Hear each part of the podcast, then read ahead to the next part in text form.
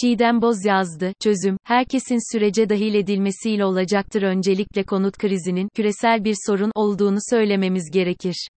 Elbette bunun temelinde kapitalist üretim ilişkileri ve özellikle 1980 sonrasında uygulanan neoliberal politikalar yatıyor.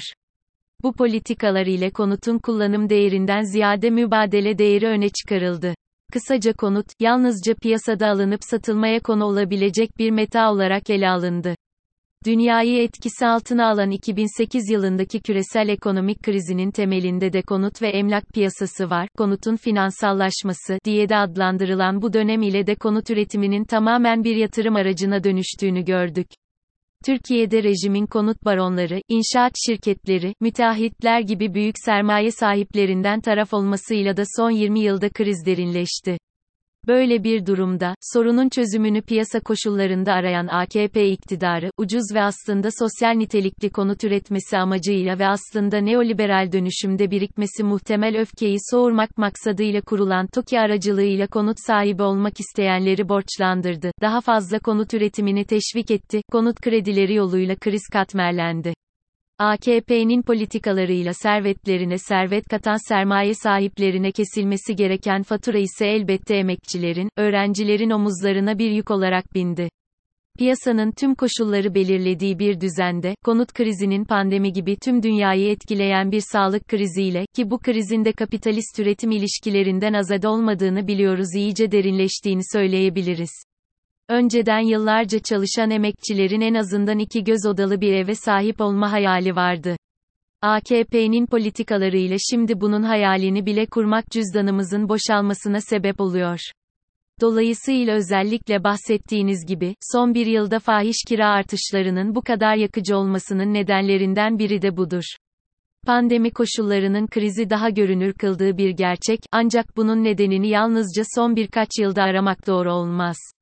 Konut, yalnızca piyasada alınıp satılmaya konu olabilecek bir meta olarak ele alındı. Dünyayı etkisi altına alan 2008 yılındaki küresel ekonomik krizinin temelinde de konut ve emlak piyasası var. Türkiye İşçi Partisi olarak konut krizine bakışınız diğer partilerden nerede ayrılıyor? Barınmayı temel yurttaşlık haklarından birisi olarak görmeniz mi mesela sizi farklı kılan? Öncelikle, yıllarca, kent hakkı, mücadeleleri içinde yer alan, gezi direnişinin öznelerinden biri olduğu gerekçesiyle uydurulmuş davalarla hukuksuz, adaletsiz bir şekilde tutsak edilen mücella yapıcıya ve mücadele yoldaşları Tayfun Kahraman'a, Can Atalay'a, Çiğdem Mater'e, Mine Özerden'e, Hakan Altınay'a ve Yiğit Ali Ekmekçi'ye selam vererek başlamak istiyorum. Çünkü biz tam olarak buradan, kent hakkından ve onun en önemli uğrak noktasından yola çıkarak, barınma hakkı, neden konut krizine bakıyor, kent hakkını, barınma hakkını talep etmenin devrimci bir eylem olduğunu söylüyoruz. Kent hakkını, barınma hakkını talep etmenin en temel koşullarından biri mekanda ikamet ediyor olmaktır. Buradan yola çıkarak bizi farklı kılan şeylerden birinin de yurttaşlık mefhumuyla ne kastettiğimiz olduğunu söyleyebilirim. Biz konut hakkının su gibi ekmek gibi temel bir hak olduğunu söylüyoruz. Anayasanın 57. maddesinde de tanımlandığı şekliyle, devlet, konut ihtiyacını karşılamak ile ilgili gerekli tedbirleri almak durumundadır. Yurttaşların erişilebilir, sağlıklı konutlarda yaşama hakkı, piyasanın inisiyatifine bırakılamaz. Kent hakkını, barınma hakkını talep etmenin en temel koşullarından biri mekanda ikamet ediyor olmaktır. Buradan yola çıkarak bizi farklı kılan şeylerden birinin de yurttaşlık mefhumuyla ne kastettiğimiz olduğunu söyleyebilirim. Biz konut hakkının su gibi ekmek gibi temel bir hak olduğunu söylüyoruz. Tip olarak bu konuda bir kanun teklifi hazırladınız. Bu teklifin detaylarını sizden dinleyebilir miyiz? Sunduğumuz kanun teklifi için farklı mevzuatlarda düzenlemeler yapılması gerekmektedir. Kanun teklifimiz, içerisindeki her maddenin birbirinin tamamlayıcısı olmasına, kendi içerisinde bir tutarlılığı barındırmasına özen gösterilerek hazırlanmıştır. Bir konut sorununa çözüm, yeni konut üretiminde aranmaktadır. Bunun nedeni, inşaat zengini olan sermaye sahiplerinin zenginliklerini büyütmektir. Nokta. Kentlerdeki konut ve iş yerlerinin niceliksel olarak tespiti yapılmalı, boş konut sayısı ile ilgili veriler şeffaf bir biçimde paylaşılmalıdır. 2. Konut ve iş yeri sahipliğini bir yatırım aracı haline getiren, mülklerini boş bırakarak piyasada spekülatif kira ve konut bedellerinin belirlenmesine sebep veren sermaye gruplarına, inşaat şirketlerine karşı yaptırım uygulanmalıdır. 3 adetten fazla mülk sahibi olan kişi ve kurumlara artan oranlı vergiler uygulanmalıdır. 3. Bu vergiler ile oluşturulacak barınma fonu ile yurttaşlara insanca ve adil bir biçimde yaşayacakları konutlar sunulmalıdır. Krizin yaşamsal pratikleri dönüştürmesi toplumda dezavantajlı konumda bulunan kesimler nezdinde oldukça hızlı bir şekilde gerçekleşmektedir. Dolayısıyla bu fonun kullanılmasındaki önceliğimiz, bu krizden en derin bir şekilde etkilenen öğrenciler ve emekçilerdir.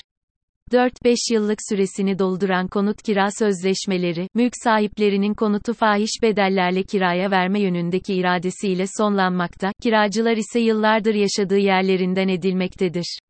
İşyerleri de yüksek kira bedeli talebinin yanı sıra sosyal dokunun dönüştürülmesi için araçsallaştırılmaktadır. Mülk sahiplerinin keyfi kira bedellerinin belirlemesinin önüne geçmek ve kiracıları ekonomik krizden korumak için yasal önlemler alınmalı, kira denetimleri artırılmalı ve kira tavan uygulaması getirilmelidir.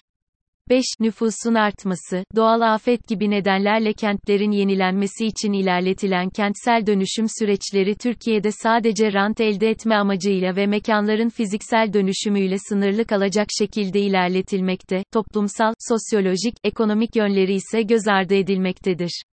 Kentsel dönüşüm süreçlerine ilişkin yasal düzenlemeler ve fiili uygulamalar sadece mülkiyet hakkı üzerinden ilerlemekte, kiracılar dönüşüm süreçlerinin her aşamasında mağdur olmaktadır.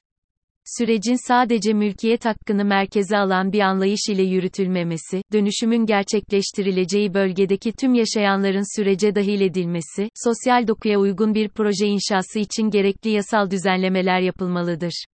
Bizim en temel iddiamız, sosyalist bir iktidarın egemen olduğu bir düzende nelerin gerçek kılınabileceğini göstermek. Biz bir hayal kuruyoruz, eşit ve özgür bir dünya hayalini ve bunun bir hayalden ibaret olmadığını, elle tutulacak kadar gerçek, ulaşılabilir olduğunu göstermek istiyoruz. Bu teklifin parlamentoda destek göreceğini düşünüyor musunuz? AKP ve MHP oylarıyla reddedildi. Biz bu karara kaldırılan elleri görür, bu cümleleri duyar gibiyiz. Gerçi bizim tekliflerimiz bu anlamda daha komisyonlarda dahi gündeme alınmıyor. Türkiye'nin can yakıcı sorunları bunlar değilmiş gibi. Peki neden ısrarla kanun teklifi sunuyoruz, soru önergesi ardına soru önergesi veriyoruz derseniz cevabımız şu olacaktır. Bizim en temel iddiamız, sosyalist bir iktidarın egemen olduğu bir düzende nelerin gerçek kılınabileceğini göstermek. Biz bir hayal kuruyoruz, eşit ve özgür bir dünya hayalini ve bunun bir hayalden ibaret olmadığını, elle tutulacak kadar gerçek, ulaşılabilir olduğunu göstermek istiyoruz.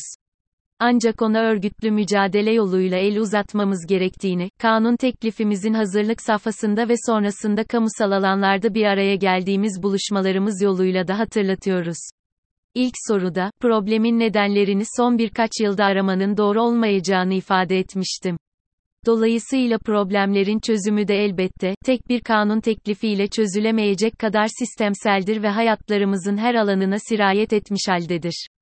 Ancak bu sistem krizinden en çok etkilenen emekçilerin ve öğrencilerin acilen çözülmesi gereken barınma sorununa çözüm yolları bulmakta bizim en başat görevlerimizden biridir.